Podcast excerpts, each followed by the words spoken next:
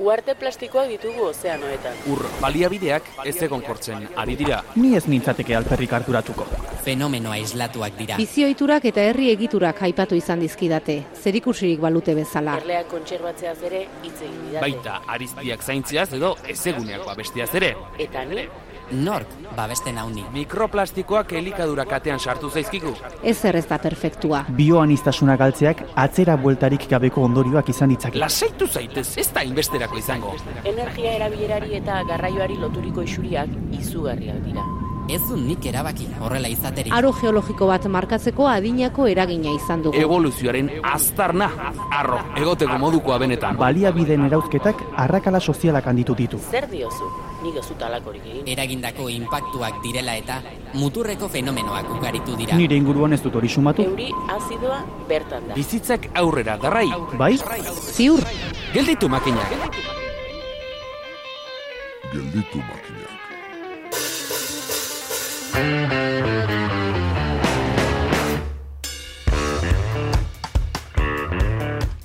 Superstiziosoa altzara entzule, eskailera baten azpitik pasatzea saiesten duzu, edo katu beltz bat gurutzatzean barru-barruan ez ikusi izana desio izaten duzu? Ez dakit burugabe batzugaren, baina gaurko gaia eta programa zenbakia entzutean sabela uzkortu zaigu.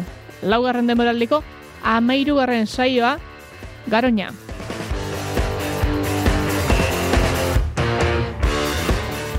Auskalo zer kestutu baituen gehiago amairugarrena izateak edo garoñak berak. Jon Salgado naizeko kazetaria izango dugu lagun, Garoñako zentral nuklearra deusesteko plana martxan delako eta instalazio barruan izan delako e, bertan ikusitakoak gurera kontatzeko asmo zekarko dugu.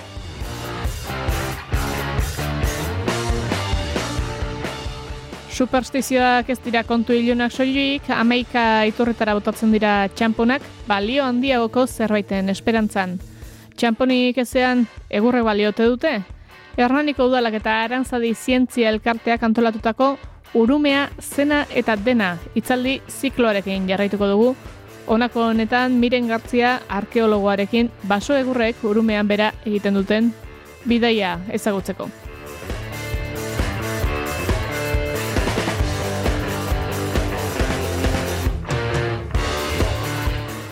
Zientzia dosi bat, ere bai, jakina, zientzialari atalean Elixebete Rezabal izango dugu likido ionikoak zer diren eta nola balio duten molekula kutsatzaileak erauzteko azalduz. Superstizioak superstizio zentzutz eta ganoraz, gelditu makinak saioaren laugarren denboraldeko amairugarren atala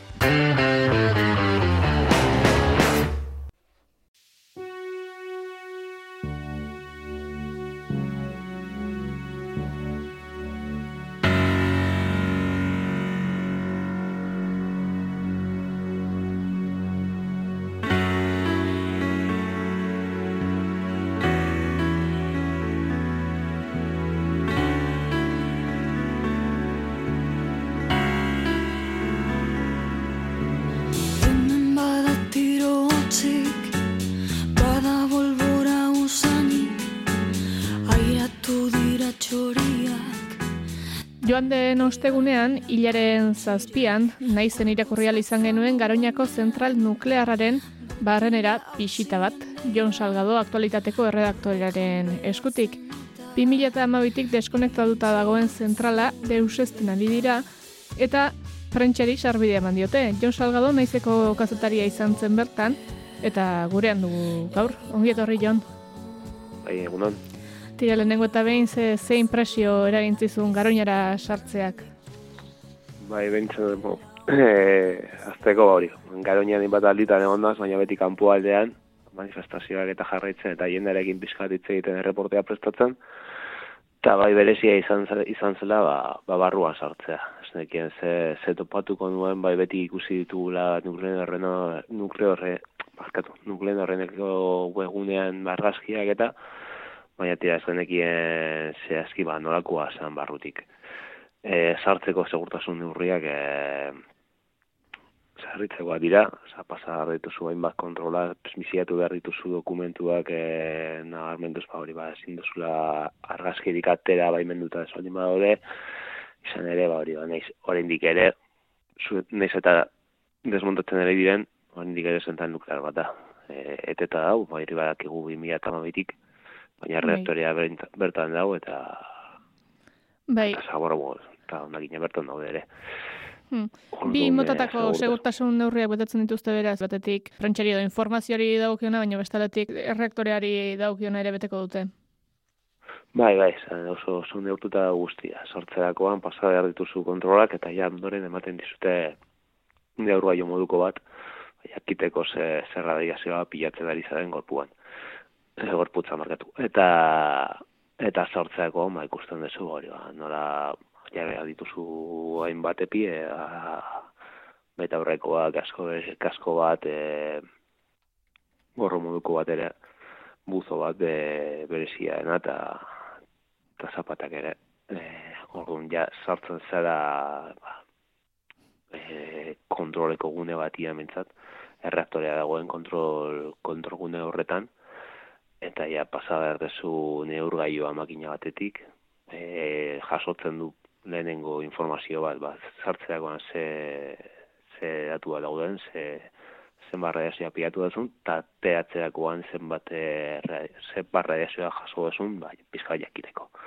Eta ondoren pasa berrezu beste makina batetik. E, ikaragarria da sortzerakoan erreaktorean, claro, e, atmosfera ezberdinetan daudela. Hmm. E, istipuren bat egon, egon, egon ez gero, beti, ah, ez dakit, le, lerketa edo, mo- lerketa modukoren bat edo izan ez gero, e, atmosfera berezia direnez, joango litzateke beti parrutikan Aha. ez luke kanpora jungo.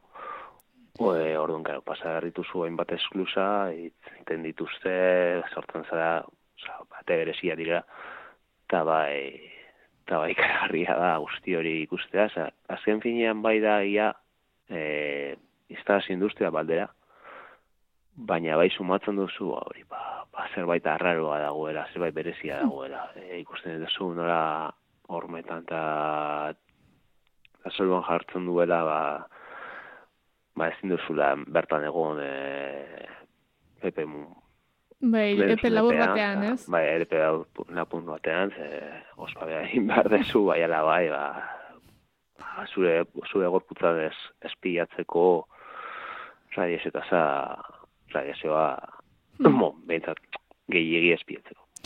Bertan ikusi altzen dituztela irakurri dizugu, batetik kontentzio eremua edo bueno, erreaktorea Bai. dagoen lekua, pistina, turbinak, e, horietan hori danak desmantelatzen hasiko dira, baina bi fase ezberdin izango omen dira. Bai, bi fase bereziak izango dira, e, guztia amari urte iraungo du. Orduan, hasiera batean egingo dutena izango da, desmontaje bat e, e, kutzadura atera behar dute. Osa, bertan dagoen piztina batean daude azken berrogei urteetan erabili diren ba, ba, esan uraino guztia bertan sartuta dago. Orduan, atera behar dute hori piztina horretatik, eta sartuko dituzte e, modulo berezio batzuetan. Horiek eramango dituzte gero, denbora luzez bertan egongo den e, deposimo, deposito batera. E, eta bertan egongo dira gutxienez datozen bost, bost amarkadetan bertan egongo dira. Bi mila eta eta suposten da ondakinak e, zentralen ondoan jarri duten zel- zele batean e, Eta horre, bueno, pentsatzeko da hor ere segurtasun neurri zortzak beteko zituztela. Berrogeita hamar urte Baina- z- bertan egon. Bai, Bai. bai, bai, prestatu dituzte, e, ba, hori, beraie diote antisismikoa diren bi, bi plantza be, handia direla, lurrean jarri dituztenak, baina bai egia da eta bai arraroa dela, ikusten dituzula, ja, da, atera dituztela, o, lan kontenedorea, lan konteiner daude bertan. Hmm. e, pf, azken finean, e, ez dago ezer ez tari da, eza, dago, ebroaren e, ibaiaren ondoan daude moduloa dira. Eta, zakit, oso oso arraroa, niri behintzat arraroa ditu zitzaidan, hori, ekaitza larri bat egon ez gero, edo, edo zer, pues, dakit, pentsa euro gainezka atorrela, edo, ez dakit. Bai, katastrofea Neko, oso neko arraro, bai, dela. ne, bai, ez dakit, eh, bereie diote segurtasun aldetik eh, kontrolak oso oso hori berezia direla eta eta dena kontrolpean dagoela, baina baina ikusten duzu nola baita edo, ba, ba ikustea ez dagoela estalita, ibaiaren ondoan dagoela. Bai. bai, arraroa dela behintzat, bai. Bai, gero gainera, katastrofearen gainean espekulatzen hasita eta esan duzu mila beratzeren eta irurogeita amaikatik erabilitako erregaia uranioa dagoela piztina batean, eta horta, bertatik aterako dutela, eta galdera atera irakurri dizugu, eta da, e, zer pasako litzateke piztinetik babes neurreri gabe aterako balitz uranio barra bat? Ba, hori, ba, jarri nuen bezala, ba, ba galetu genion, a ber, ze, ze hautatuko litzateke, zertatuko litzateke, eta, eta esan zigun, eh, barra bat atera ez gero segurtasun urririk gabe, ba, ba, bertan daude langile guztiak elko, elko zirela. E, bai, e, badakigu zenolako erregaiak erabili izan diren, zenolako, zenolako arrisku, mo, ze arriskutsua den uranioa, ze no- arriskutsua den ba, radiazioa, eta eta kasu honetan egingo dutena izango da piztinatik atera segurtasun neurri zorrotz batzuekin, eta mo, kom, ne, pixkat alderatzeko e, Fukushiman ere, alako piztina bat zegoen, bertan gertatu izan zen, istripua izan zen, e, piztina urari gabe geratu zen izela. Mm. Claro, ura galtzetzerakoan, bertan pilatuta zegoen, bertan bertan zegoen uranioa berotu egin zen, eta ondoren badakigu ze, Bai. ze nolako ondorioak izan ziren. Egun, e, desmantelazio hau, edo deusazte hau enresa sozietate publikoa omen da ez, bere arduradun? Bai, Baina erabiltzailea etzen bera izan. ez, eltzailea nukleno horri izan zen, enresa horren, pasaren usteian e, hartu egin zuen kontrola, zen zentralen kontrola, beraiet desmontatuko dute, eta ondoren berriro ere eremua nukleorren hor eskutan geratuko da. Halako lanetan beste eremu batzuetan ulertzen dugu izatez e, jabeak edo erabiltzaileak elkarri behar izaten dituela elementuak lehengo baldintzetara edo hasierako baldintza horietara behintzat erabiltzailea dela arduradun. Kasu honetan ez da hala izan. Zer erreaktiboak diren elementua daudelako, zentral nu- nuklearra delako, bestelako zerbait dago horratzean. izan daiteke kontrol ze zorrotzat direnez agian bai estatuak e, bertan lehen, po, kontrol, kontrolen bat egon behar dela, da ez dakit e, zergatik ot izango den. Bai komentatu duzuna, e, eolikoen kasuan e, eta fotovoltaikoen kasuan, ikusten baldin baditu zuzen orako baldintzan jartzen diren, e, hori, e, baimena ematen direnean e, erakunde publikoen partetik, bai agertzen dela hori, oza, eremua gero dagoen bezala utzi behar dutela. Kasu honetan ez, kasu honetan bai egia da dirua ateratzen dela fondo berezi batetik, oza, nuk e, elektrikak e, orain behar dute diru bat e, a- energia nuklearra ekoizteko, oza, diru bat inote zerga berezi bat, eta badirudi berta, mo, diru hori erabiltzen dutela arako, arako lanak egiteko. Galdera da, ea, zenbat e, ordaintzen duten, eta ea, nahikoa ote den, ze badakigu, kasu hontan, e, milaka, mo, milioiak izango direla, eta, eta milioi asko gainera. E, nukleoen horren kasuan, izan da, izan da berezia nola maitu egin garoña, garoña hitz egin zuten, baina kon, gobernu, pepeko gobernua bere garaian, irekira mantendu ditzun. Jarri zuten zerga berezi, beste zerga berezi bat, eta orduan Iberdrola eta Endesa nuklearren jabeak jabeak erabaki egin zuten nolako pulso bat egitea botatzea estatuari, Espainiako gobernuari, peperen gobernuari kasu hontan, eta azkenan itzin zuten diru gehiago ez ordaintzeko. eta eta argitzegoen desmonteia beraiekin partetik eh, nik uste dut luzatu egin dela inbeste hamar urte itzaron behar izan dugula ba horregatik batez ere beraien partetik ez da nik uste, ez dakit eh, hori ja nire itzia da, eh, nik uste dut nuklearrean partetik ez dela borondaterik egon eh, prozesu montan la, laguntza laguntzeko. Bueno, eta argi dagoena zentrala deusesteko lanak abiatuta daudela, luze joko duela, baina baina arrisku agian hor egongo dela, ezta? Ba hondakinak kanpoan egongo direlako, beren segurtasun neurriekin, baina zentralaren aktibitatea bere horretan energia sortzekoa bai, baina aktibitatea bera horregotea eta izan dezaken eragina ez dela, ez dela orain bukatuko. Bez, batez ere hori, nabarmentzea oraindik ere naiz eta bertotik e, zentralak endu. Agian ja ez dugu ikusiko ba, ba eraikin gris hori, eraikin handi gris hori, baina egin behar dugu oraindik ere ba hori ba marka pasako direla berton non makina, egongo direla berton ondakinak eta eta oraindik ere ba esan dezakegula abintzat arrisku hori, arrisku nuklear hori beti zaratu izan den arrisku nuklear hori beta bertan iraungoko iraungo dugu dula, bai. Bai, horre dela eta adi, adi beharko garela. Hemen dik entzulei ere, ba, bueno, barrura ezin sartuko gara, prentxarentzako bakarri kirikita dagoelako, baina kanpotik ere, zukaseran esan bezala, impresio galanta egiten duen zentrala da, eh?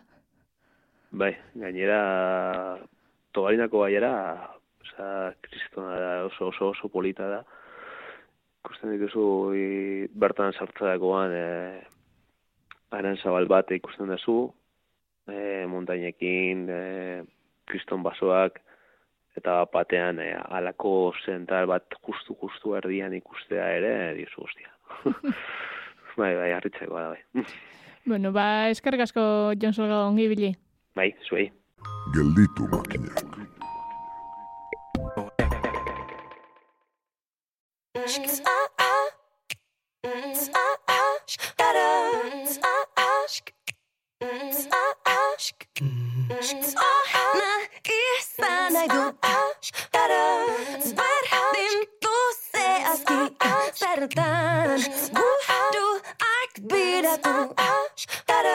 Gotta do bash at the end.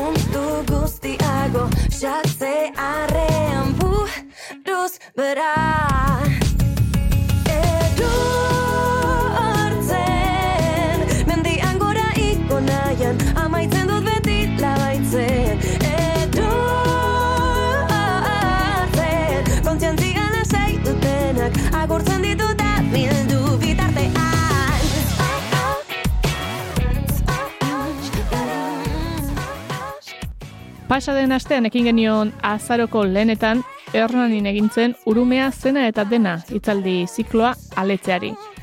Arantzadi zientzi elkartearen eta Hernaniko udalaren artean antolatutako zikloa izan da, aurtengoa bigarrena, eta hor laurden inguruko hitzaldi laborrak antolatu dituzte. Bat, bestearen jarraian, urumeako ondareari dagokion gai baten bultan. Basogintza zaritu ziren aurten eta pasaren astean Albaro Aragon entzun bagenuen, gaur Miren Gartziaren txanda da. Egurraren bidaia basotik itsasora urumean bera hitzaldia eman zuen arkeologoak eta kontu bitxiak ere aipatu zituen. Nerone kontatzea baina asko zobea izango da hitzaldia bera entzutea, beraz, hemen dakarkigu. Agurtzen ditut da bildu bitartean Bueno, guk koen momentu honetan ingo dugu bidai txiki bat, Albaro aipatu du negur guzti horrekin, ibaian bera, gure herrioan bera, bidai txiki bat egingo dugu, mende batzuk hartuko ditugu ere bai, amasei mendean hasita emeratzi garren mendera arte, e, hogei garren mendeko aipamen txiki batzuk egingo ditugu ere bukaeran, baino, hasingo gea. Hori guztia baino lehen ulertu behar dugu urumearen garrantzia zein izan den e, historian zehar. E, izugarrizko garrantzi egoki du beti, komunikazio arteri nagusi bat izan da, e, garraio bide, lehenkoko, bueno, gaur egungo autopista bat izango balitz bezala. E, zergatik, ba, lurreko garraioa oso motela zan, e, daukagun orografia oso zaila da, orduan hor arazo pila bat sortzen zian, eta hortaz aparte oso garesti ere bai. Orduan merkago ateratzen zitzaien e, garraiatzea, zea merkantzia guztiak e, ibaiatik bera, lurretik baino. Horretarako, ba, urumea ibaiak ematen zien sekulako aukera, eta komunikazio arteri bezala erabiltzen zen gehien bat kostaldea eta barnealdearen lotura zalako. Kostaldea eta Gipuzkoako barnealde zati handi bat eta Nafarroako zati bat ere hartzen lotu egiten zitun eta baiara desberdinak ere elkarren artean lotzen zitun. E, hortaz aparte, ba, merkataritzaren hasiera ere, lehenagotik hasita dago merkataritza, baina ja momentu honetan, ba, garrantzi gehiagorekin, e, merkantzia gehiagorekin, eta adibide gisa, ba, bueno, ikusteko lotura nola izango litzateken, adibide batzuk jarri ditut, ez dira herri guztik, e, garraiatzen zuten beste herri batzuetatik ere, baina adibidez ikusi dezakegu, ui, Leitzatik ekartzen zutela egurra Hernaniraino, Berastegitik, Tolosatik, Bilabonatik, Adunatik, Leitzarako baiaratik eta horia baiaratik ekartzen zuten burdina minerala, burdin minerala. E, Hernanin, bueno, burdin minerala ez markatu. Burdina behin landuta burdinoletan jeisteko donostiraino, e, leitzarandik, burdin, leitzarako burdinoletatik jeisten zuten, eta horia ibaiako burdinoletatik ere bai. Hernanin lotzen zan dena. Hau zen gune garrantzitsuena. Hemen lotzen e, hartzen zuten ibaia, eta bi aukera zeuden, edo donostiara garraiatzen zuten, Santa Catalina portura, edo bestela martutenera, sarroetako portura, garrantzitsuenetako bat ere bai. Honek markatzen zuen ere pasaiarekin lotura. Orduan ikusten dezute, ba, bueno, e, sare handi bat zala. Barnealdea eta, eta itxasaldea lotzen zitula, eta bere garaian, ba hori mende horietan izugarrizko garrantzia zeukala. Zer garraiatzen zuten? Bueno, adibide hau berria da, eh? Lengo ontziak ez zira nolakoak, baina nola oso zaila da topatzea irudi bat egurrez kargatuta, beste, garra, beste merkantzia batzukin, bai, baina egurrarekin ez. Orduan ba, adibide bezala, behintzat, e, pixkat irudikatzeko nola izango zen egurraren garraioa ba, albarak aipatu duen egur guzti hori, ibaian bera jeisteko, gabarrak ez ziren horrelakoan, noski, hau modernoa da, baino garraiatzen zuten material nagusiena egurra eta urdina zan.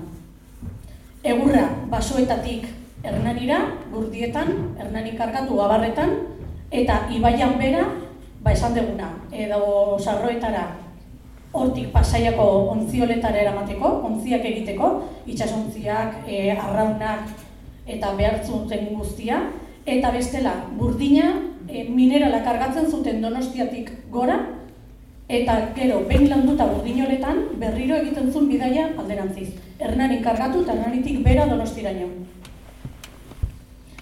Bestelako gauzak ere eramaten zituzten, adibidez, e, rekreazioak egin dituzte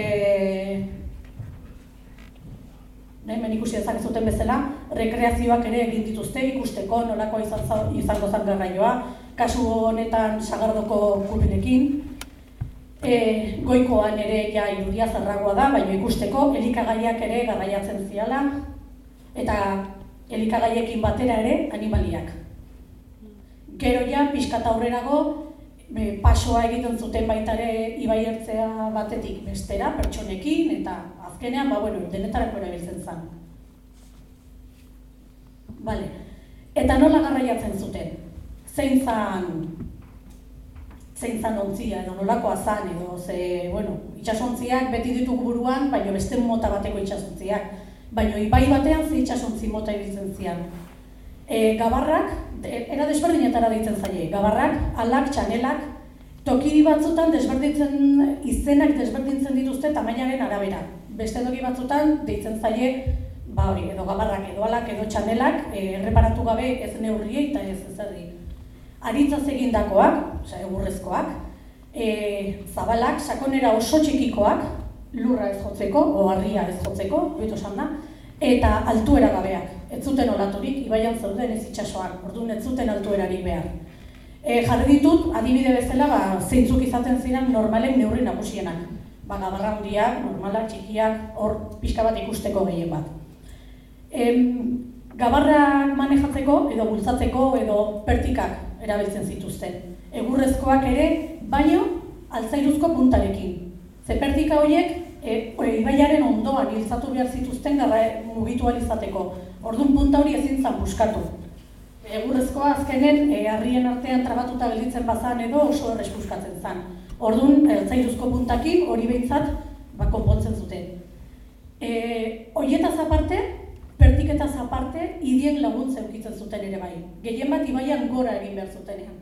Ze ibaian gora, askoz esfortzu handiago egin behar zuten, e, ibaia ura askorekin etortzen zanean, eurite baten ondoren edo oso zaila zan bestela eraman egiten zienko e, ura, indar jaisten zalako, ordu hor idiekin laguntzen zian. Idi bat ibaiertz bakoitzen, soka batekin lotuta eta arrastaka, gabarra goraka. Hor ere, beti bezala, beti daude arazoak toki guztitan, ba, hauek ere arazoak eukitzen zituzten, e, idiekin edo en, zera, en, arrantza egiteko nasak jartzen zituztelako, ez zietarako idiei pasatzen uzten, e, ez zieten uzten ez dare ibaian gora ibiltzen behar zuten bezala bidea izten zietelako, bueno, hor ja hauzi asko daude. Baina, gabarretara iristeko material guzti hori gurdiak erabili behar zituzten. Er, adibidez, basoetatik egurra jaisteko portuetaraino, hernaniraino, gure kasun, gurdiak erabiltzen zituzten. Gure, bueno, bidea positiba horrego junez, baina ikusteko gurdiak gutxi gora beran olakoak izango ziren. Bez? Hau ere da egin duten rekreazioa eta kupera garraiatzen eta eta ikusten den bezala lehenengoa bai da gurdia, baina bigarrena lera modukoa da. Arrastaka eramaten dute, ez daka gurpilik. Vale. Eta behin portura, portutik portura iristerakoan, bai Santa Kandalinara edo bai Martuteneko sarroetako portura, berriro gurdiak kargatzen zituzten, ja, bat, zeukaten merkantzia bideratzeko. Sarroetakoa adibidez, gurdiaren bidez garraiatzen zuten gero pasaiara. Eta hor, ontzioletara zuzenean, ontziak egiteko eta gainontzeko guztia.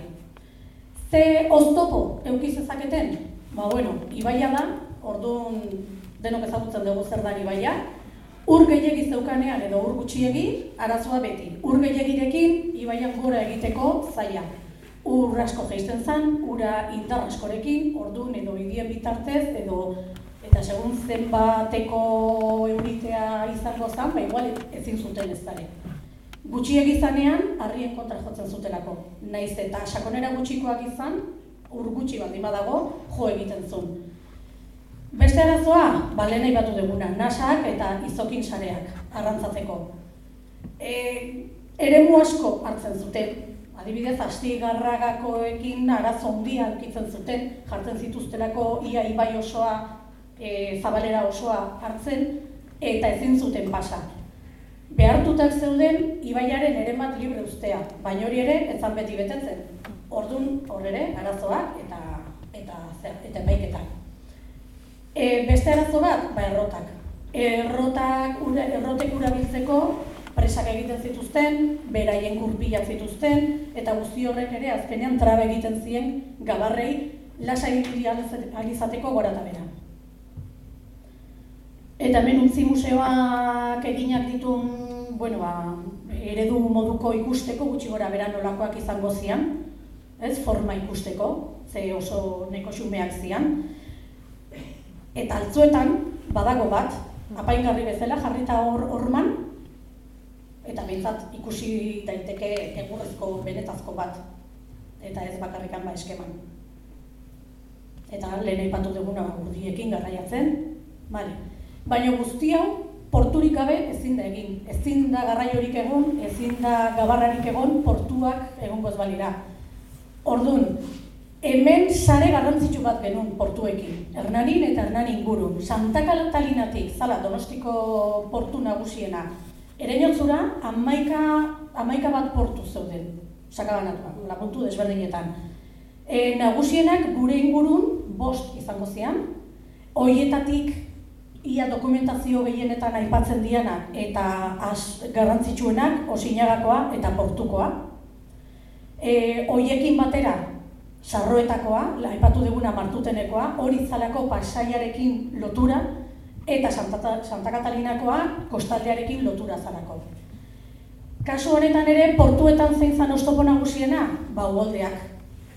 E, uoldeen ondorioz, ibilgoa aldatu egiten zen, uoldeak oso handiak zianean e, ibaiak beste bide bat hartzen zuen.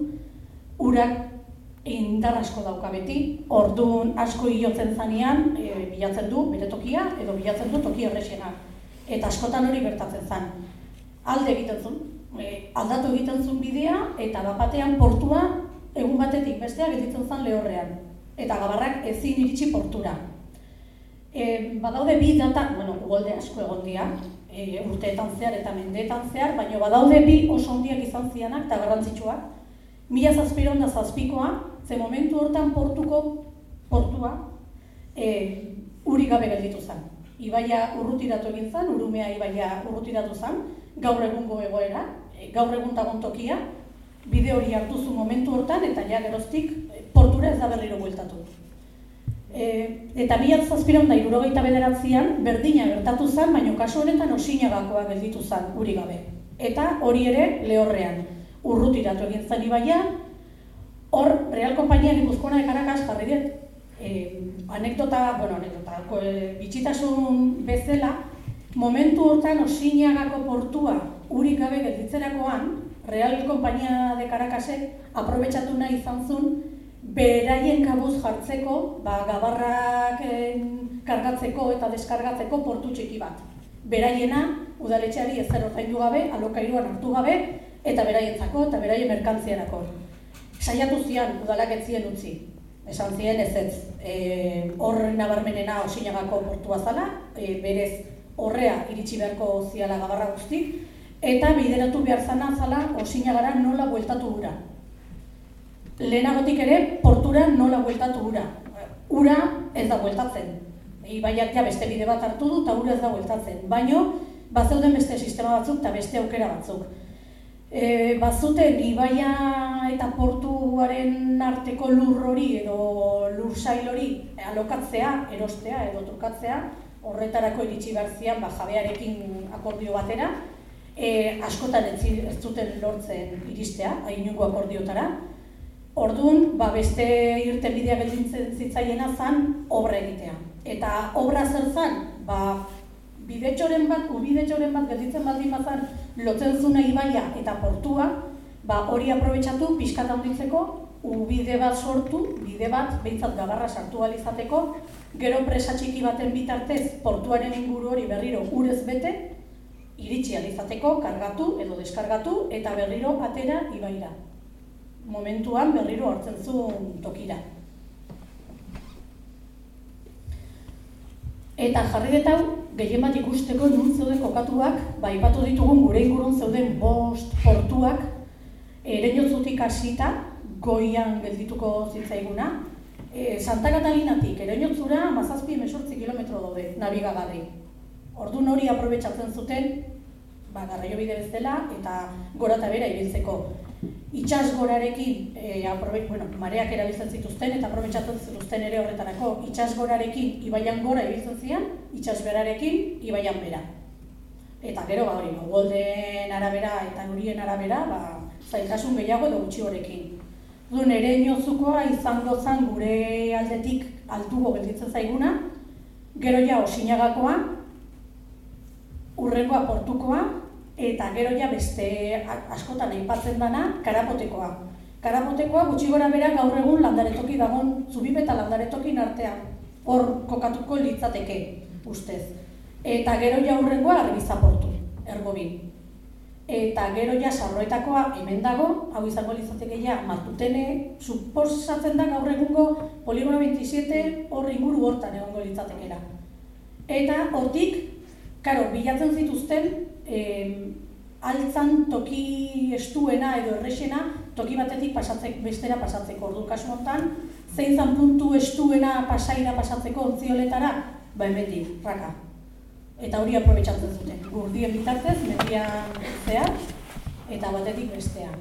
Eta gero ja, azkenik, gure kasun, hemengo gabarren kasun, iritsiko lirateke honean, Santa Katalinara. Eta irudi batzu, ba, bueno, ikusteko sinagakoa, em, ez dago porturik eta ez da ezer gelditzen, baino loidiko pare hortan edo inguru hortan egongo zala suposatzen da, Arbiza portu berdin, ergobikoa, portukoa momentu hortan ja ez daukagurik, ja ez da portua, baino behintzat irudia ikusteko. Eta gero Santa, Santa Katalinakoa. Eta hemen adibidez Santa Katalinako hauetan ikus daiteke gabarrak honea iritsiko zian. Beko irudiotan hemengo hauek dira. Hau izango zen portua. Claro, irudiak aldatzen dijoazte, garai hortan ere etzian ere zehatzak. Orduan, hemen ikusten da zezen plaza bat, eta gero azalduko dugu zergatik, ze zer ikusiakan zezen plazak. E, gutxi gora bera, Santa Katalinako zubia toki berdina mantentzen da, izango zen ba, hori, ba, inguru, inguru hortan, abenidaren inguru hortan eta hortxe gutxi gora bera, Vale. Portuak, lojak eta gabarrak eta gainontzeko guztia kudeatzen zen kontratuen bitartez.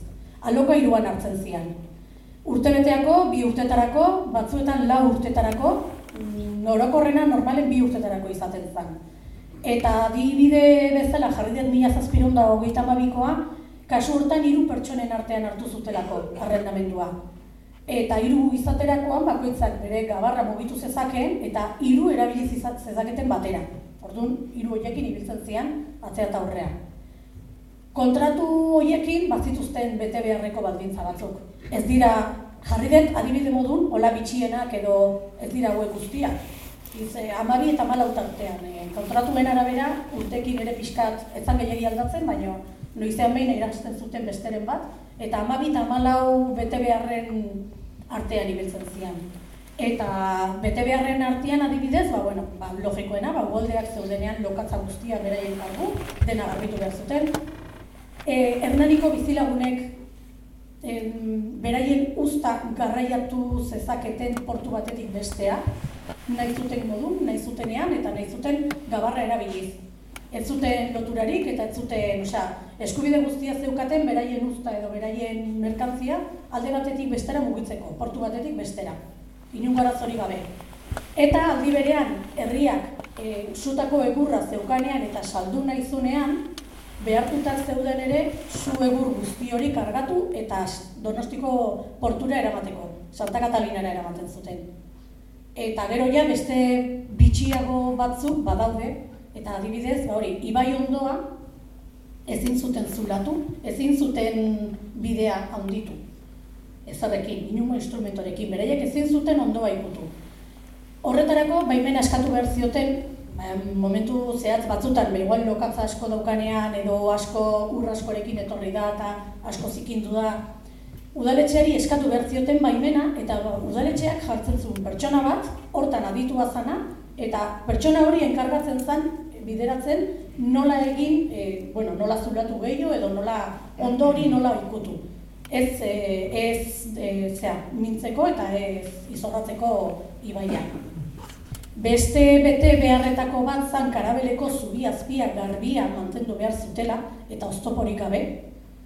Honek esan nahi du, e, egurra, harriak, lokatza, e, adarrak, traba egiten zutenean urarekin batea, beraiek behartuta zeuden zubi azpi hori garbitzea eta garbi mantentzea urak ondo pasada izateko eta urarekin batera noski ba gabarrak.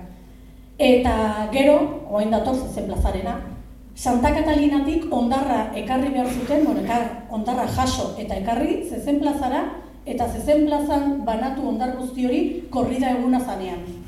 Osea, zezenak egon behar zienean, beraiek behartuta zeuden, ondar hori ekarri, garraiatu eta zezen plazan banatu. Hori hola, ba, bueno, behintzat bitxikeri, bitxikeri bezala. Eta bete beharrekin batera, salneurriak ere jarrita zeuden, osea, dena zeon estipulatuta. Ordu merkantzi, merkantzia bakoitzak zeukan bere salneurria, eta pisua eta bidearen arabera, ba, burdinak zeukan bat, pisuaren arabera desberdina, segun nun kargatzen zuten eta nora joan beste, pre, beste tasa bat ordaindu behar zuten, beste prezio bat, orduan dena markatuta zuten. Eta dokumentazioan jartzen du negatik berrogei urtetan prezio horiek ez ziren batere aldatu. Mantendu egin zian, gutxi gora bera. Gero bai, ja ziren pixkanak aldatzen, baino berrogei urtetan, hori gaur egun arraro iruditzen zaigu, dena goraka dijoan bezala, baino momentu hortan epe luzeak egoten ziren prezioak aldatu gabe.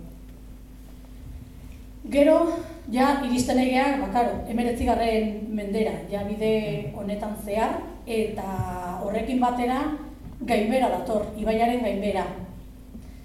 Emez, eh, emeretzigarren mende hasieran, hori ba, mila sortziren da sortzian, udalak ja portu guztiak saldu zitun, saldu zitun ez zeukalako dirurik, en, Frantziar okupazioak sortu zitun gastu guztiak eta dena gastatu arazi ezin izan zituzten mantendu, orduan behartuta ikusi, behartuta ikusi zuten bere burua e, portu guztiak saltzea, bat, denakin batea. Gabarrak, e, portuak dakan guztia, ba, lonja, pixuak eta dena. Hori, adibidez, hor saldu zituztenian, azken lau urteetan alokairuan zituztenek erosi zuten, eta beraiek gelditu zian ustiapen guztiarekin. Gero ere ze gertatzen da, ba, emeretzigarren mende erdialdean, lurreko komunikabideak ja hobetzen hasi ziala. Ja beste mota batekoak errepideak egiten hasi ziren, edo behintzat hobetzen, beste era bateko errepideak, ferrokarria sortu zen, ordu ja horrekin batea, ja dokumentazioan ere ikusten da, azten diala, em, nabarmentzen, kam, bueno, kamioietan edo beste, bai, kamioietan ez, baina beste era batean ja karrete, karreteraz edo bidez lurretik garraiatzen zutela. Eta ez dira ontzietan ibaian behera, edo ibaian gora. Baina horrekin batera, ba beste erabilera batzuk sortu ziren ere ibairako. Eta emeretzi garren bukaera hori eta hogei garren mende tarteko hortan. Eta horien artean adibidez, ba, sortu zian gabarrariak zianak, gabarretan ibiltzen zianak, ondar biltzaileak bihurtu ziren. Zer esan nahi honek? Ondarra biltzen ibiltzen ziren Santa Catalina eta Kursalen arteko zati hortan. Ikusten dan bezala, uretan sartzen ziren, gerriraino, eta palatxiki batzukin egiten zutena zan ondotik e, ondarra atera eta gabarretara hilo. Noizean behin beraiek ere jo behar zian ondarrak botatzen zuen ura guztia kentzeka, ze bestela gabarrak, gabarra askotan pikutara juten zitzaien, kargarekin, eta berriro jetxi eta berriro jarraitu. E, oporri gabe, mm, e, deskantxuri gabe, egun osoan, ezakitzen bat ordutan, eta hortxe. Ondar honekin, itxas gora aprobetsatuz ibaian gora egiten zuten eta saldu egiten zuten ondarra. Edo nekazariei animalientzako oia egiteko, behin lehortuta, ba, oe, goxo edo gelditzen eta bestela eraikuntzarako. Eraikuntzarako ba, masa egiteko eta eta ba, ba bueno, dirudienez behintzat, horrela mantendu ahal izan zuten e, lanbidea, ba, mila batziren da irurogeita iru, irurogeita bost arte. Hor ja azkeneko aipamenak eta azkeneko argazkiak eta daude, eta hor ja momenturen batean mm, lanbide hori ere desagertu egiten da.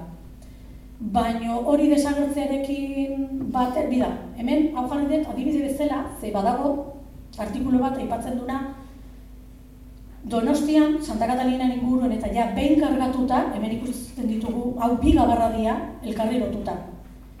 E, behin kargatu ondoren ondarrarekin, iten zuten, atzekaldetik, biak elkartu, nola, zeukaten alturarik eta zeukaten beste zeri, lotu elkartu egiten zituzten biak, eta bi gabarrak ilotzen zituzten batera ibaian gora. Ba, joan behar zuten tokiraino, ondarra saltzea. Eta hori desagertzearekin batera, ba, ibaia beste gauza batzutarako erabiltzen hasi zan ere. Eta gaur egun arte gau batzuk mantentzen dira. Eta kirola, jarri dut adibidez kirola urumean, ze hau, e, irgerik eta txapelketak egiten zituzten. Eta igerik eta txapelketa horietan adibidez urte batez egin zuten Espainiako e, igeriketako txapelketan finala. Eta Madrid oldar batek irabazi omen zuen baina. Baino ikusten da, igeri egiten eta bai, jendea mugitzen da. Eta gero ja, ba, urumea jaigiroan. Behin beste lanbide, bueno, gabarraria merkantziak eramatea zutzita eta behin errepideak ferrokarria eta dena sortu, ba, jendearekin. Momentu emeretzi garren hasieran adibidez aipatzen da, Donostiako jende aberatsa eta dotorea, horrela jartzen du baina, jende aberatsa eta dotorea hartzen zutela eta ematen zietela urumean zehar ibialditxo bat loiolako eta martuteneko jaietara. Eta gero ja hortaz aparte, ba, bueno, hasi izan pixka bat gehiago zabaltzen, eta baina beste, bueno, ba, jaietan, edo beste, bai, beste festa, beste ospakizun bereziak zituzten, eta ja, ibaian, beste, ibaia beste era batera erabiltzen hasi zian. Eta irtera horiek, mm, gaina, irtera horiek eh, proposatu zituzten, orain gaur egun ere horrelako zerbait antolatzea, ea halko zan, eh, ez dakit zertan gelditu den, bakit entzun nula proposatzen zala, baina ez dakit, baina ba hori. Ba, gaur, gaur egun arte iristen gea horrela, gaur egun hemen elorragin ere ikusten ditugu trainerak, ikusten ditugu arraularik, eta azkenen da pixkat jarraipen guzti hori e, merkantzia mugitzeko garraio bide bezala baztertuta berditu zen emeretzi mendean, baino beste, bueno, bideratu eginda beste bete behar batzuetarako. Ze momentu hortan, urumeari adibidez donostian bizkarra eman zioten ibaiari, behin gabarrariak desagertu eta bizkarra eman zioten guztiz e, urumeari, utzi zuten hor baztertuta, ibaia zan, ba, bueno, itxasora iristen zan zerbait, baina hor baztertuta ez zuten gehiagorako erabili. Hortik gora, ba, bueno, gure ingurun bai erabiltzen da igual pixkat gehiago, baina behin desagertuta ondar biltzaileak, ba, inguru hortan ja gutxi gehiagorako. Behintzat ere, ziotzen mantentzen da. Bueno, ikustetan honekin ja, bukatzen dutela. Eli pagolarekin geldituko dituzu makinak naiz irratian.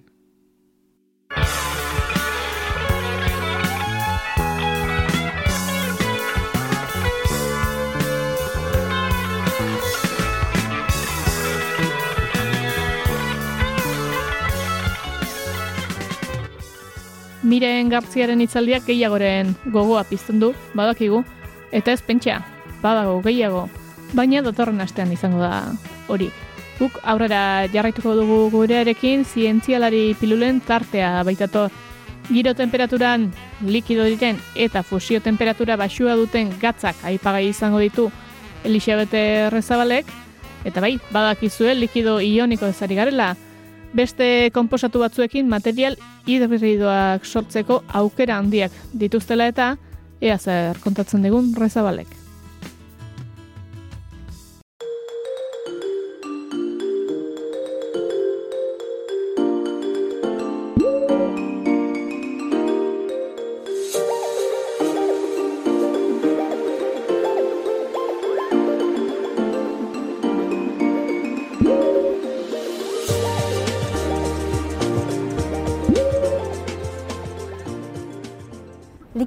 Ionikoak giro temperaturaren inguruan likido diren gatzak dira. Gatzak ioiez osaturiko sustantziak dira eta beraz likido ionikoen kasuan daukaguna ioiez osaturiko likidoak dira. Horrek oso propietate fisiko-kimiko bereizi eta interesgarriak ematen dizkie material hauei, eta gainera propietate fisiko-kimiko hauek ioien egituraren araberakoak dira. Beraz, printzipioz, ioiaren egitura aldatuz edo aukeratuz, propietate fisiko-kimiko horiek ere aukeratu egin ditzakegu, guk nahi bezala. Are gehiago, aukeratzen ditugun ioiak berriztagarriak, biodegradagarriak eta ez toksikoak izan daitezke eta beraz gaur egun dauzkagun erronken aurrean material hauek ematen duten erantzuna ba oso egokia izaten da. Gaur egun likido ionikoak bai ikerketan eta bai enpresan ere aplikazio desberdin anitzetan erabiltzen dira. Adibidez, molekula txikien erauzketarako, hau da adibidez, airean dauden molekula kutsatzaileak erauzteko, edo tauretan aurkitu ditzakegun kutsatzaile horiek eh, ateratzeko, baita ere mm, erregai likidoak purifikatzeko. Beste erabilera oso ohiko bat izango litzateke mm, erreakzioak gertatzeko, hau da, erreakzioak likido ionikoetan gerta daitezke, eta ez hori bakarrik. Likido ionikoak batzuk gai dira erreakzio horiek katalizatzeko, azkarrago gerta daitezen e, eragiteko. Bestalde batzuetan egiten dena baita ere izaten da likido ionikoien ioiak hartu eta material batean txertatu. Horrela, beraien propietateak erabili ditzakegu material solido batean. Adibidez, e, baterietan elektrolito gisa, edo material termokromiko eta fluoreszenteak sortzeko, lubrikatzaile bezala erabiltzen dira, eta bar. Normalean egiten dena izaten da aplikazio konkretu bat aukeratu eta horretarako ondo funtzionatzen duen likido bat erabiltzen da. Behin funtzionatzen duela ikusten denean, likido horren ioiak pixka bat aldatzen joaten gera aplikazio horretan daukan eraginkortasuna optimizatzeko intentzioarekin. Zer gertatzen da?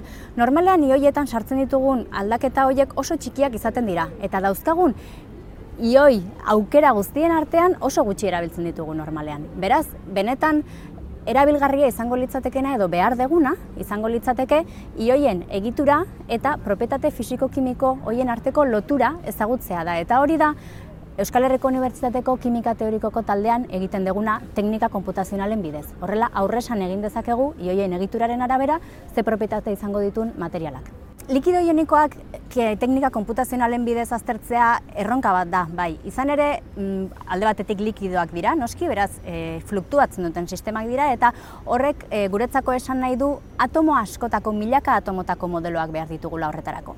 Bestalde, ioiek, elkarren artean sortzen dituzten elkarrekintzek, teknika oso zehatzak eskatzen dizkigute gure azterketetarako. Eta teknika horiek konputazionalki oso garestiak izaten dira behar ditugun modelo handientzako.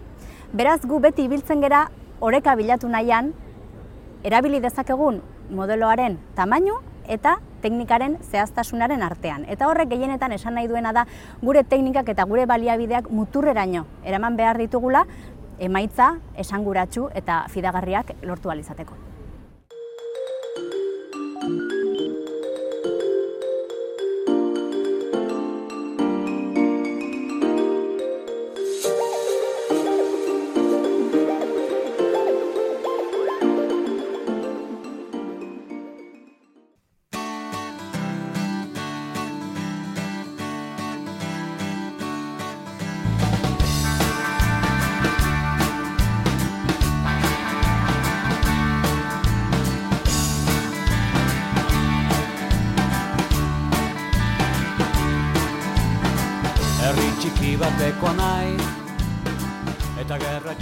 Likido ioniko baso egur eta ondakin nuklear, gaurkoak ere, egin ditugu ba entzule. Datorren astean ere hementxe izango gara amaika kontu ekologiko eta sozial interesgarrirekin. Eta joaten ez denak itzultzerik ez duenez, urren arte, aio, eta ongi bili. Ileta zauritu isilak Begira, begira, begira, begira Gerra txiki guztietan Gertatu oilen bezala Gerra txiki guztietan Oitura den moduan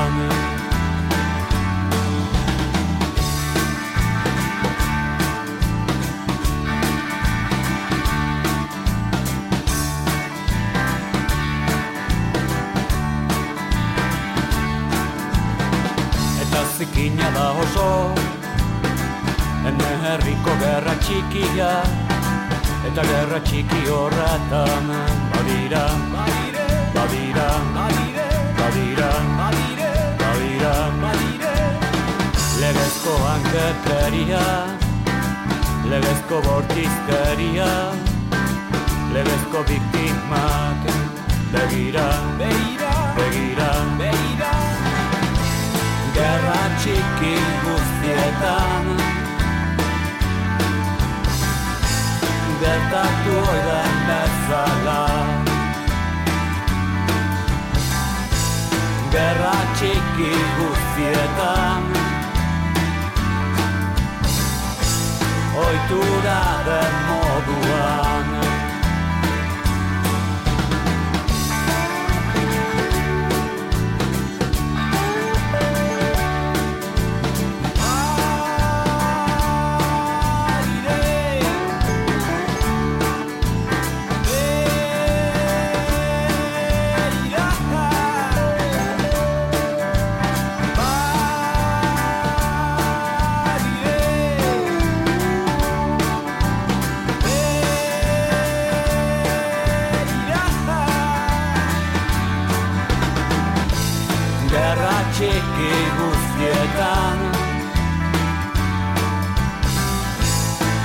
gertatu oidan bezala.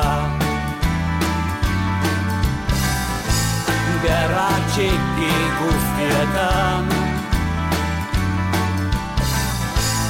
Oitura den moduan.